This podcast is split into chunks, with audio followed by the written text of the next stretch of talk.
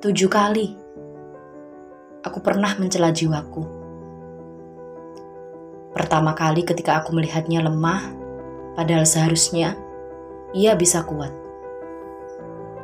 Kedua kali ketika melihatnya berjalan terjongket-jongket di hadapan orang yang lumpuh.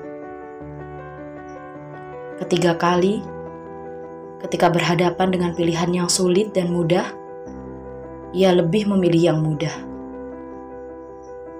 Keempat kalinya, ketika ia melakukan kesalahan dan mencoba menghibur diri dengan mengatakan bahwa semua orang juga melakukan kesalahan.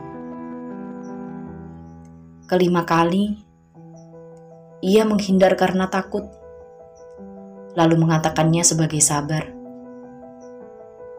Keenam kali, ketika ia mengejek kepada seraut wajah buruk, padahal ia tahu bahwa wajah itu adalah salah satu topeng yang sering ia pakai. Dan ketujuh, ketika ia menyanyikan lagu pujian dan menganggap itu sebagai sesuatu yang bermanfaat.